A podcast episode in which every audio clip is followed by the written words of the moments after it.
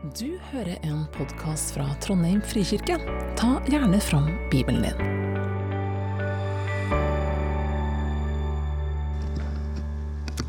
Og I dag skal vi lese fra Apostlenes gjerninger, kapittel 2, vers 1-18.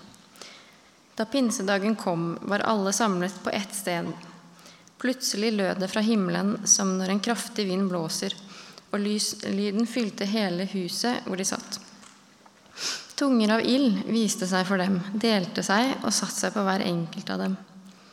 Da ble de alle fylt av Den hellige ånd, og de begynte å tale på andre språk, ettersom Ånden ga dem å forkynne.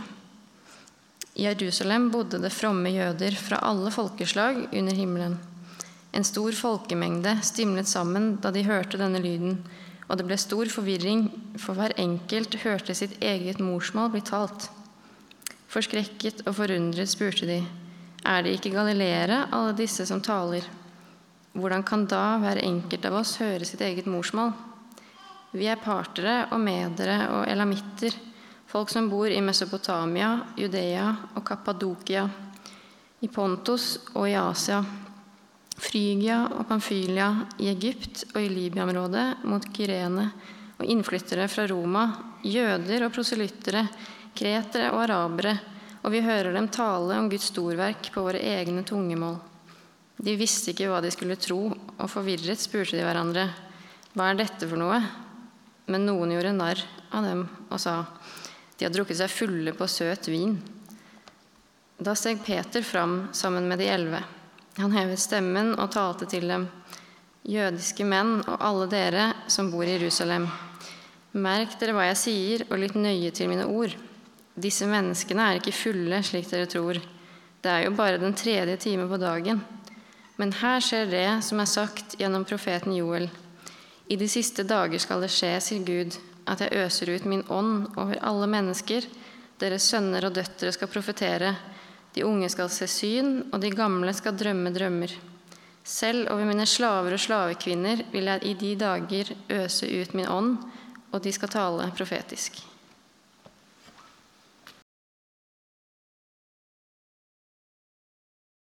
Jeg har jo eh, gjennom åra som prest talt en del ganger på pinsedag.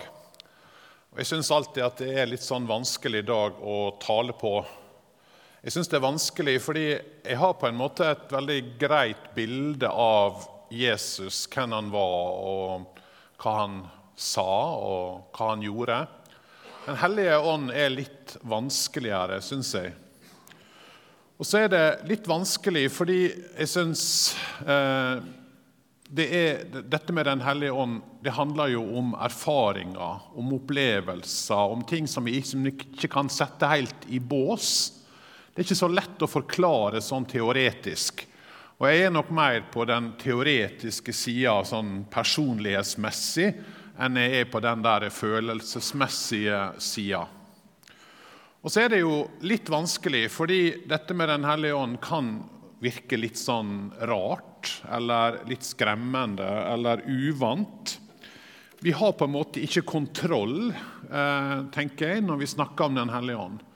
Og Det var jo det Jesus sa når han skulle forklare om Ånden. Så sa han at han sammenligna det med vinden. Han sa du veit ikke hvor vinden kommer fra, eller hvor han blåser hen. Og når vi leste om teksten på første pinsedagen i Jerusalem, så var det jo som om en vind kom og fylte hele huset der de var. Og vind det er noe som du ikke helt kan ja, forklare, definere, si her er vinden, her er han ikke. Det er litt komplisert. Du veit ikke hvor han kommer fra, hvor han går hen, sa Jesus. Så når vi skal tale på første pinsedag om denne teksten, så har jeg lyst til å prøve å legge et, et lite grunnlag som har vært til hjelp for meg. Fordi Jesus han forberedte jo disiplene sine på det som skulle skje. Dette var ikke en overraskelse plutselig denne dagen. Dette venta de på, dette hadde de fått vite en del om. Og hva sa Jesus når han skulle forklare dem det som skulle skje? Jo, han sa jo flere ting, men her er eh, noe av det som han sa i Johannes 14. Han sa, 'Jeg vil be min far, og han skal gi dere en annen talsmann, som skal være hos dere for alltid.' Sannhetens ånd, som verden ikke kan ta imot. For verden ser ham ikke og kjenner ham ikke. Men dere kjenner ham, for han blir hos dere og skal være i dere. Jeg lar dere ikke bli igjen som foreldreløse barn. Jeg kommer til dere. Og Her er på en måte mitt fundament for pinsedag. Jesus sier 'Jeg kommer til dere'. Når Jesus altså sender Den hellige ånd, så er ikke det noe fremmed, det er ikke noe annerledes, det er ikke noe skummelt. Det er Han som kommer. Og så sier han 'Jeg skal være hos dere, jeg skal være i dere'. Jeg kommer til dere. Og så får det meg til å senke skuldrene i forhold til dette med Den hellige ånd. For der Jesus er, der er det frihet. Der er det glede. Der er det fred. Der er det godhet og nåde. Der Jesus er, så er det noe som jeg kjenner er trygt.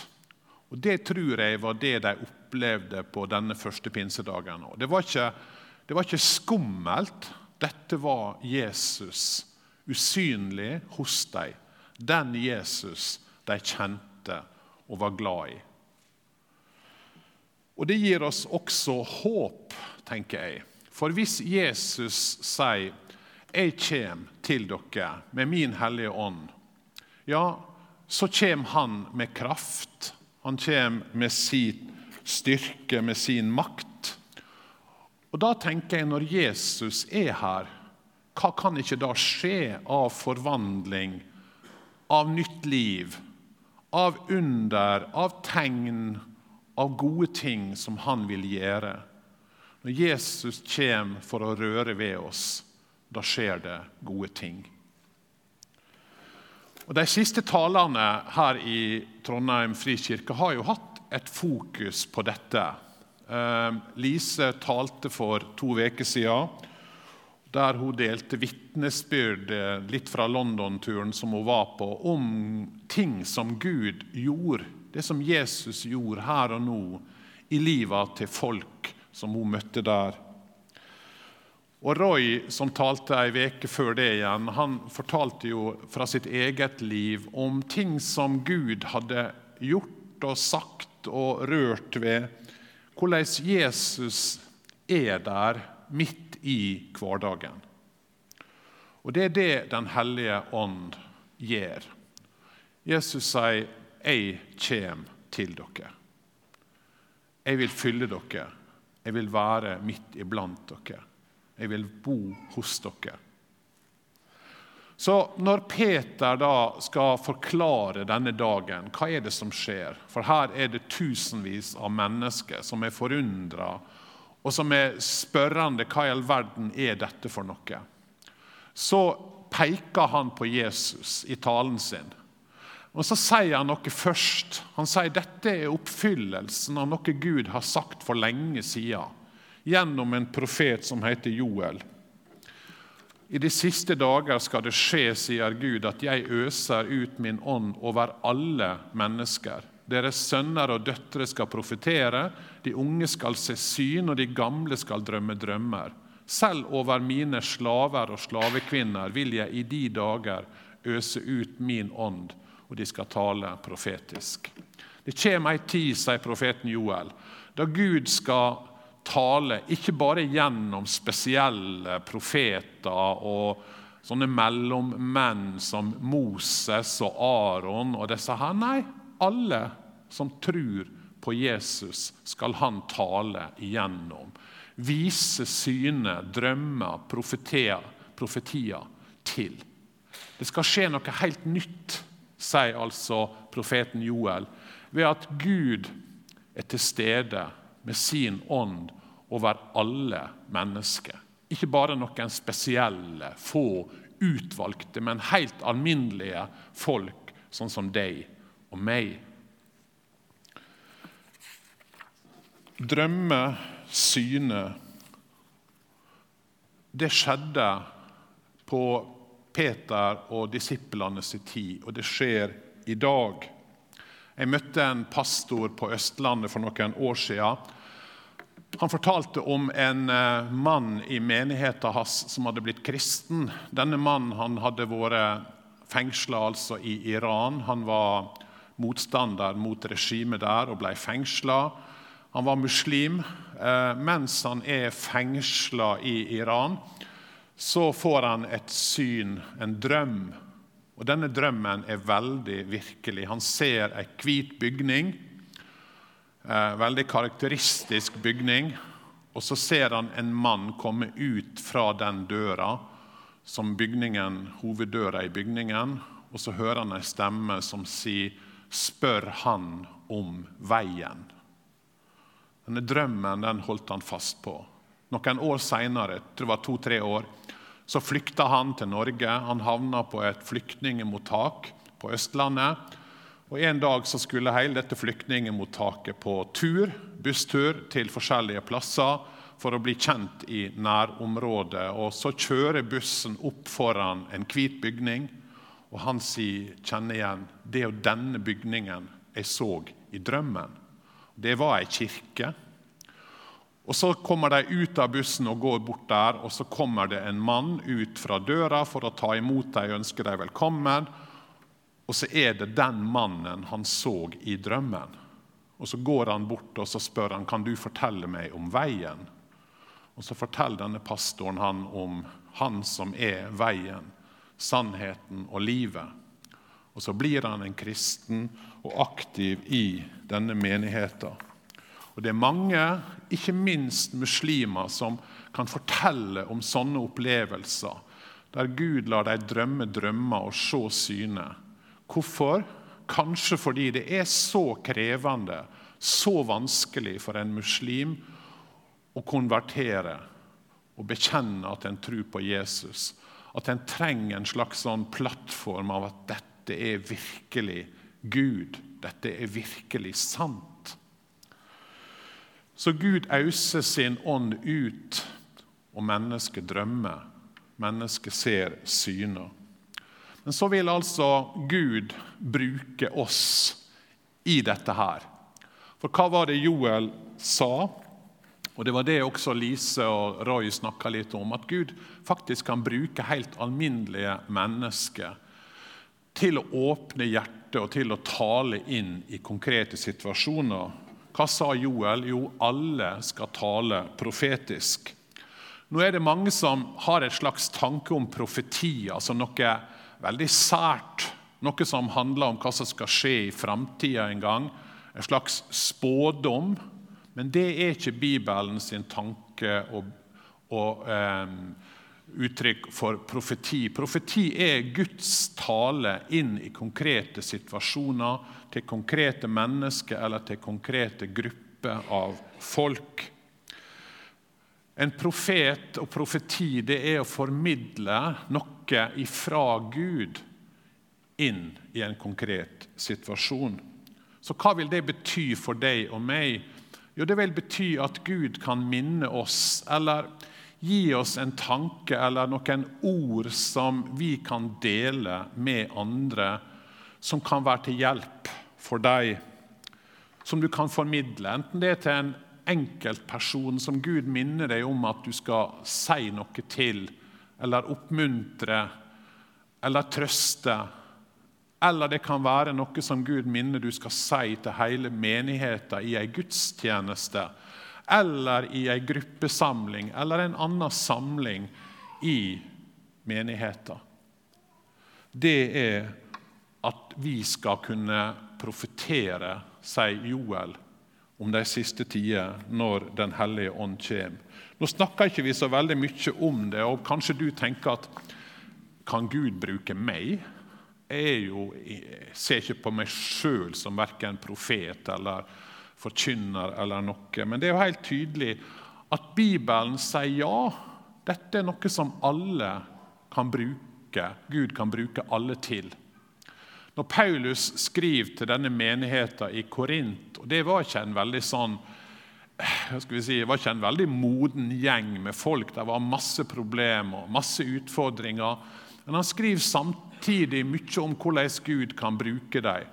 Så I kapittel 14 så snakker han om dette. her, så sier han jag etter kjærligheten, søk åndsgavene med iver, særlig det å tale profetisk. Paulus sier du skal særlig søke etter den gava å kunne formidle noe fra Gud inn i andre mennesker sitt liv. Og I slutten av kapittelet så gjentar han det nærmest. Derfor, mine søsken, vær ivrig etter å tale profetisk og hindre ikke tungetale, men la alt gå sømmelig og ordentlig for seg.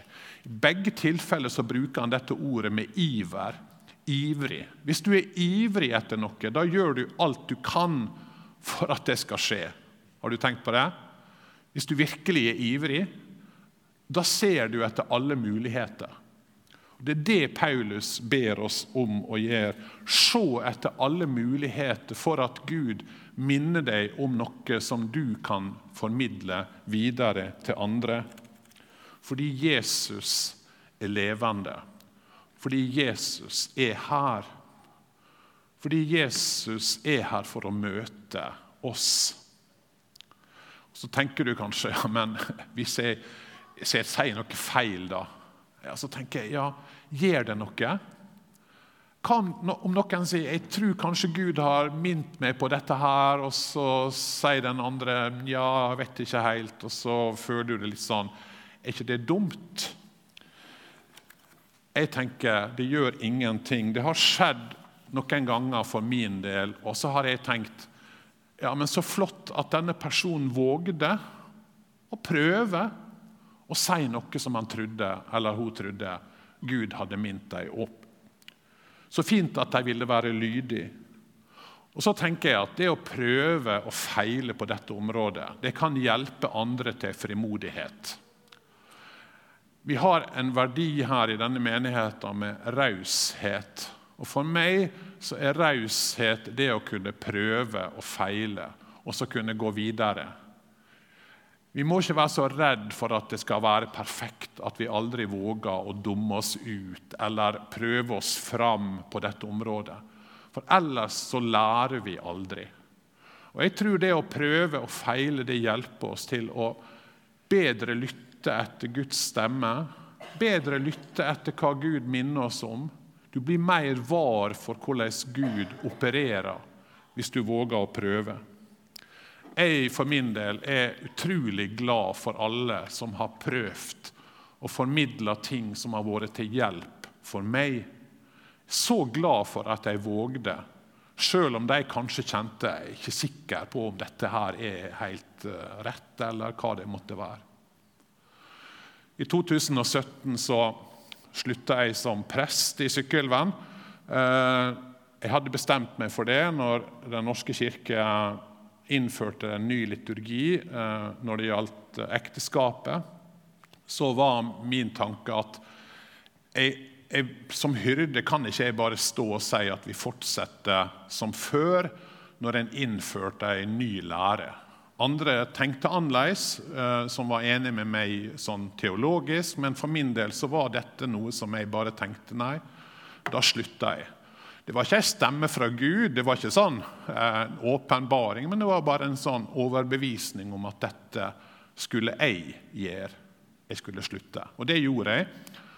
Eh, jeg hadde ikke noen konkrete planer for hva jeg da skulle gjøre. Jeg var 62. og jeg eh, tenkte jeg kan jo egentlig bare mm, bli pensjonist. Det er jo mange som blir det når de er 62. Dessuten så hadde jeg et datafirma som jeg hadde vært med å starte, som jeg kunne jobbe i så mye som jeg ville. Så jeg hadde egentlig ingen bekymringer eller noen tanker på at eh, jeg trengte å ha en plan for videre år. Men så kom det plutselig litt fra klar himmel, som lynet fra klar himmel, et spørsmål om jeg kunne tenke meg å være pastor i Trondheim frikirke. Det var helt sånn Hæ? Trondheim? Jeg har ikke tenkt på denne byen. Jeg eh, har jo aldri holdt med Rosenborg heller, så det var jo også litt sånn eh. Men i alle fall så, så kom jo det spørsmålet. Så måtte jeg jo tenke på det. Eh, og så var jeg her oppe på vårparten den våren og møtte noen fra Eldsterådet og administrasjonsutvalget. som sa litt om hva som hadde skjedd her. og det ga jo ikke meg spesielt lyst til å gå inn i den situasjonen, eh, den historien som hadde vært i de åra før. Eh, og så var det litt sånn Ja, vi skal jo kanskje prøve å få ansatt noen flere, men vi veit ikke helt om vi får en pastor til. Eller det var litt uklart med ungdomsarbeid og barnefamiliearbeid. Så det var et veldig sånn Det var egentlig lite attraktivt å skulle komme inn i den situasjonen og Så sa jeg ok, jeg kan kanskje være med å bidra med 50% stilling, men jeg må tenke på dette her, og dere skal få et svar. Jeg skal til USA på en konferanse, eh, og jeg skal gi dere et svar når jeg kommer hjem fra denne konferansen. Eh, på denne konferansen så var det veldig mange flotte opplevelser og flotte ting. Eh, men siste dagen så har de alltid Dette her heter Exponential, en utrolig flott konferanse som er hvert år i Orlando. Eh, siste dagen så inviterer de alltid folk fram til forbønn. og Det var jo masse folk, eh, mange tusen som var på konferanse. Jeg tror det var mange tusen som gikk fram til forbundet. Du hadde ikke mye tid til å si hva du ville be om. Det var mer sånn du sto på kø, og så ba de for det, og så gikk du. Og så kom jeg fram til ei dame. Jeg hadde ikke tid til å si så mye, men hun ville be for meg. Og så ba hun rett inn i den situasjonen jeg var i. Uten at hun ante noe som helst om meg og hva tanker jeg hadde, og hva jeg skulle svare til Trondheim frikirke når jeg kom hjem. Og Det var en utrolig sterk opplevelse om hvordan Gud kunne gi henne de ordene uten at hun ante noe om min situasjon. Så skulle vi ut og spise den kvelden. Vi var en gjeng fra Sandnes som reiste i lag. og Så skulle vi på en restaurant, og der var det også noen flere nordmenn som hadde eh, kommet for å spise, så vi ble stående sammen og prate ut forbi den restauranten, for det var litt fullt, og det var en fin kveld, og det hasta jo ikke, så vi sto der og venta på å få et bord. Og En av de andre som eh, var der, han kjenner jeg eh, ikke godt, men nok til at vi ble stående og prate sammen. Han er pastor, og så spør han meg hva du skal gjøre nå, da, sier han, når du har slutta i sykkelvenn. Så sa jeg nei, det er litt uklart, jeg vet ikke helt hva, hva veien videre bringer. Og så sier han jeg tror du skal bli pastor i Trondheim frikirke, sier han. Og så ble jeg litt sånn paff, og så sier jeg 'Hæ? Eh, ja, veit du noe om det?' da, sa jeg. vet du. Nei, jeg visste ikke noe om det. Han, eh, han, visste at eh, de trengte en ny pastor. Og så sier han 'Jeg tror det er du', sier han. Og så har jeg tenkt ja, kanskje det var Guds håndslag i en situasjon der jeg var urolig og litt sånn usikker på hva jeg skulle gjøre. Jeg vet bare at jeg var veldig glad for at denne personen vågde å si det som han trodde Gud minnet han om. Og så sier Peter dette er jo noe som altså er for helt vanlige folk. Dette er sånn som er for deg og for meg. Å tale profetisk er ikke det samme som å si ja, jeg er en profet. Tale profetisk det er å tørre å si kanskje Gud har mint meg om noe her. Gitt meg et bilde, gitt meg en tanke som jeg vil dele med deg eller med flere. Han gjør det fordi han vil oppmuntre, fordi han vil hjelpe. Han vil kalle mennesket til seg, han vil gi frimodighet. Derfor gjør Den hellige ånd dette her. Jeg tror mange av oss tenker ja, men det er flott hvis Den hellige ånd vil tale til meg gjennom andre. veldig bra, Men jeg tror ikke jeg skal begi meg inn på denne veien. Men sier Paulus, prøv alle muligheter. Vær ivrig etter det for at Gud skal få lov til å bruke deg i sin tjeneste. Til å snakke inn i andre sine liv, sånn som han gjorde, han vennen min da i USA. Ordet Paulus bruker, det er et ord som heter seloté. og Det, det kan nesten bety eh, kokende. Eh, så ivrig, boblende ivrig. Sånn skal vi være etter å tale profetisk, sier Paulus. En som koker over etter å få fram det Gud minner deg om Ikke for å få fram dine synspunkt, ikke for å vinne en diskusjon eller for å få makt eller posisjon. Da misbruker han dette her. Nei, det er for å oppmuntre og hjelpe, formane, trøste hverandre. Og det skal gjøres i kjærlighet, sier Paulus. Og det er kjennetegnet på sann profeti at det er gjort i kjærlighet. Ikke for å fremme mitt eget, men for at Gud skal bli stor. For at Gud skal slippe til. For at Gud skal kunne gi oppmuntring og hjelp og trøst. John Mark Comer han er pastor i Bridgetown, en menighet som eh, flere av dere har hørt om. Eh, det er en menighet i Portland. og Han forteller i en av preikene sine om en venn som var, han hadde, som heter Pete Huge. Og denne vennen, pastoren, han talte i en menighet i New York. Og Etter talen så følte han at Gud minte han på at han skulle si jeg tror her er en i forsamlinga her i dag som har, som har store komplekser med tennene sine. Eh, og Så beskrev han det litt, og så sa han hvis dette er deg, så vil jeg gjerne be for deg. Og Ingenting skjedde, og ingen kom fram, og ingen tok kontakt med han etter gudstjenesten. Nei vel, tenkte han, da var det kanskje bare en tanke jeg hadde, og så var det feil. Og så eh, skulle han også tale på ettermiddagen på en helt annen kant av New York. Og så minner han Gud han om det samme der. Så han sier at eh, jeg tror Gud minner meg på at det er en her i forsamlinga som har kompleks med tennene sine. Og hvis det er du, så vil jeg gjerne at du skal komme fram. Og så føyde han til men jeg sa jo dette i formiddag òg, og da var det ingen som kom fram. Så det kan hende jeg bare har spist noe feil til frokost i dag, eller at jeg har tatt feil. Og så plutselig ser han en mann komme hulkende fram gjennom midtgangen. Og Så snakker han med han og ber for han, og så sier denne mannen jeg var der på det møtet i formiddag også.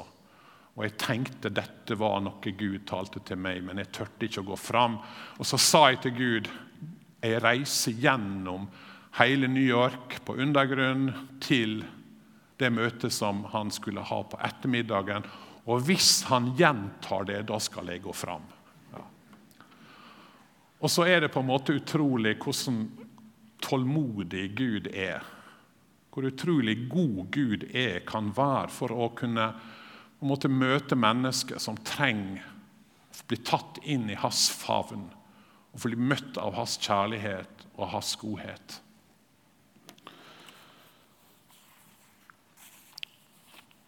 Timothy Keller skriver i ei bok om bønn, og så bruker han et bilde. Han sier at eh, Se for deg en eh, far og en liten sønn som er ute og går. Og så Plutselig så tar faren denne lille sønnen opp i armene sine og holder tett rundt han, og så sier han 'Jeg elsker deg', og klemmer han godt inntil seg. Så sier han 'Er han mindre sønn når han går der, enn når han er i faren sine armer?' Elsker faren han mindre når han går der nede, enn når han holder han? Nei, sier han. Men av og til så løfter Gud oss opp, tar oss inn i sine armer for å fortelle oss hvor han elsker oss, og at han har omsorg for oss, og sier gode ord til oss og viser oss sin kjærlighet. Og så er dette, tror jeg, kjennetegnet på at Den hellige ånd taler og virker at Jesus blir stor, at Jesus blir sentral, at han blir viktig. Når Jesus snakker om dette, her, så sier han en gang i Johannes 16 at Den hellige ånd han skal herliggjøre meg. Han skal gjøre Jesus stor. Han skal gjøre Jesus til sentrum. Han skal gjøre Jesus viktig for oss. Hva vil det si at Jesus blir herliggjort? I eh, andre Mosebok 33 ehm, der er det ei fortelling der Moses eh, ber Gud La meg da få se din herlighet. Og dette er altså Moses. Han eh, har levd et langt liv med Gud. Han har opplevd store ting med Gud. Det begynte jo med at eh, han møtte Gud i ei brennende busk som ikke brant opp. Og Han hører ei stemme, og Gud taler til han. Og Så går det jo videre med alle disse undere, ikke sant? spektakulære inngrep av Gud. De vandrer gjennom Rødehavet og de plagene i Egypt. og Han slår på fjellet, og det strømmer vann ut. og Gud taler til ham på Sina og gir ham lova og alt dette her. Og vi tenker sånn så, Hæ, Moses, hva mer er det du virkelig nå vil oppleve? Hva er det du ber om nå, da, ikke du allerede har virkelig sett og erfart?